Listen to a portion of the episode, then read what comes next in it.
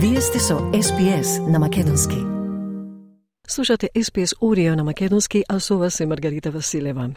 Се зголемуваат надежите за ослободувањето на израелските заложници во услови на продолжените непријателства во Газа.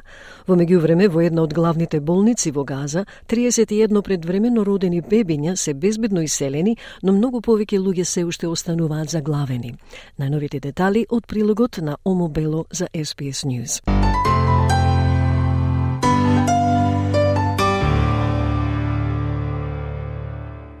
Израел и Хамас би можеле да се ближат до договор за ослободување на заложниците. Представник на Белата куќа посочи дека значителен број израелски заложници држени во Газа би можеле да бидат ослободени во наредните денови. Израелскиот амбасадор во Соединетите држави Майкл Херцог ја нагласи чувствителната природа на разговорите, но потврди дека се прават напори за нивно ослободување.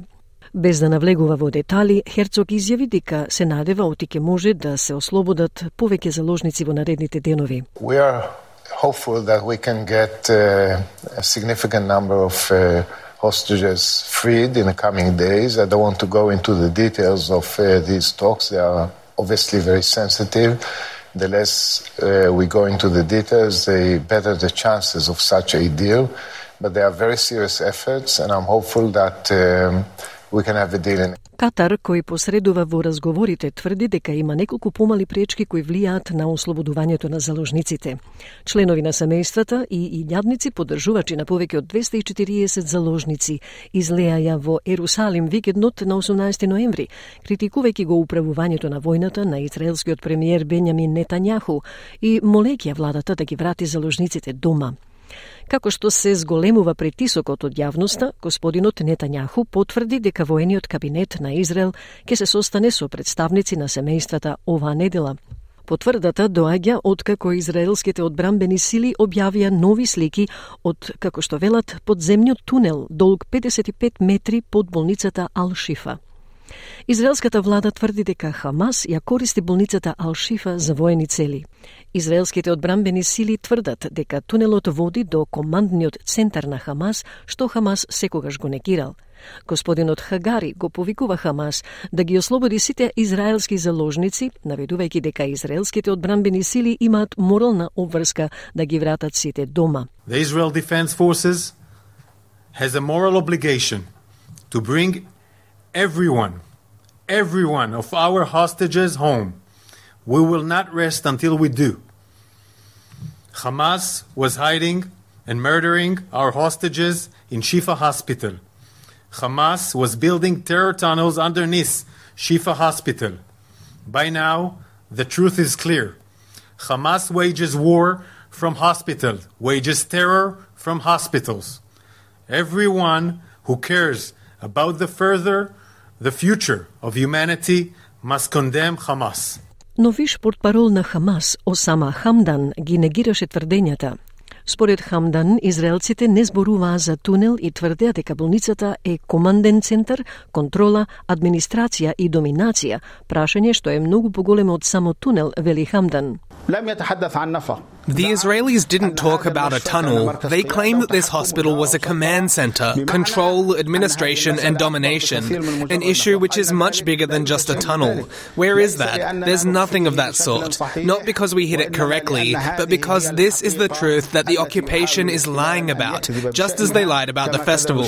Whether the occupation finds a hole here or there, enters a tunnel here or there, it does not mean much. We don't deny that tunnels extend along the roads and streets in in Gaza for hundreds of kilometers. We have never hidden that.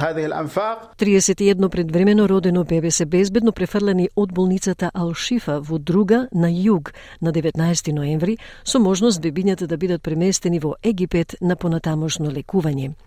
Лекарите велат дека се уште има околу 200 луѓе во болницата додека израелските сили се бореа со палестинските милитанти во близина на болницата недостигот на гориво принуди да се исклучат инкубаторите и другата опрема со храна, вода и медицински материјали. Шефот на оделот за предвремена и неонатална нега во болницата Ал-Шифа, доктор Насер Булбул, вели дека некои од бебињата веќе умреле поради условите во болницата. Доктор Булбул вели шест случаи на предвремено родени бебиња починале поради загаденоста на водата и поради немање чиста вода за подготовка на млекото. Сите случаи страдат од бактериско труење и нивната здравствена состојба е загрозена, вели тој. Доктор Булбул изјави дека пренесени се со 6 возила на брза помош и четири возила од Обединетите нации, а процесот на пренесување беше полубезбеден. Имаше проблем, вели доктор Булбул, во обезбедувањето на потребната температура за да се осигура дека здравствената состојба на предвремено родените бебиња нема да се влоши. Six cases died due to water pollution and due to the lack of pure water to prepare the milk. All cases suffer from bacterial poisoning and their health condition is at risk. They were transported in six ambulances and four vehicles from the United Nations. The transferring process was semi-safe.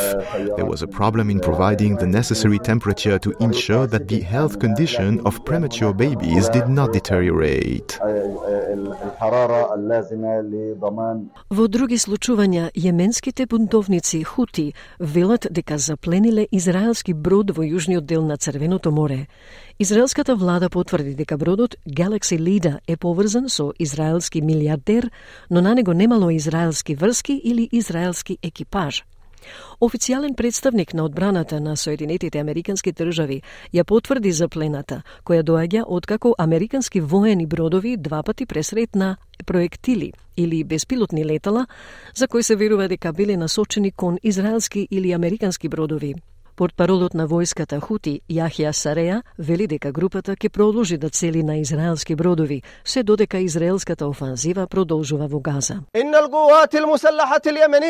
Our armed forces confirm the continuation of carrying out military operations against the Israeli enemy until the aggression on the Gaza Strip stops and the ongoing heinous crimes against our Palestinian brothers in Gaza and the West Bank cease.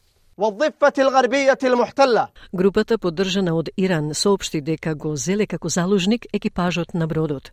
Министерството за здравство на Хамас во Газа соопшти дека повеќе од 11.500 луѓе, од кои две третини жени и деца, се убиени од почетокот на војната, а околу 2700 лица се пријавени за исчезнати. Израел вели дека најмалку 1200 израелци се убиени од нападот на 7 октомври кој го предизвика тековниот конфликт од прилогот на Омо Бело за SBS News. SBS. SBS. SBS. SBS. SBS. SBS Radio. Сакате ли да чуете повеќе прилози како овој?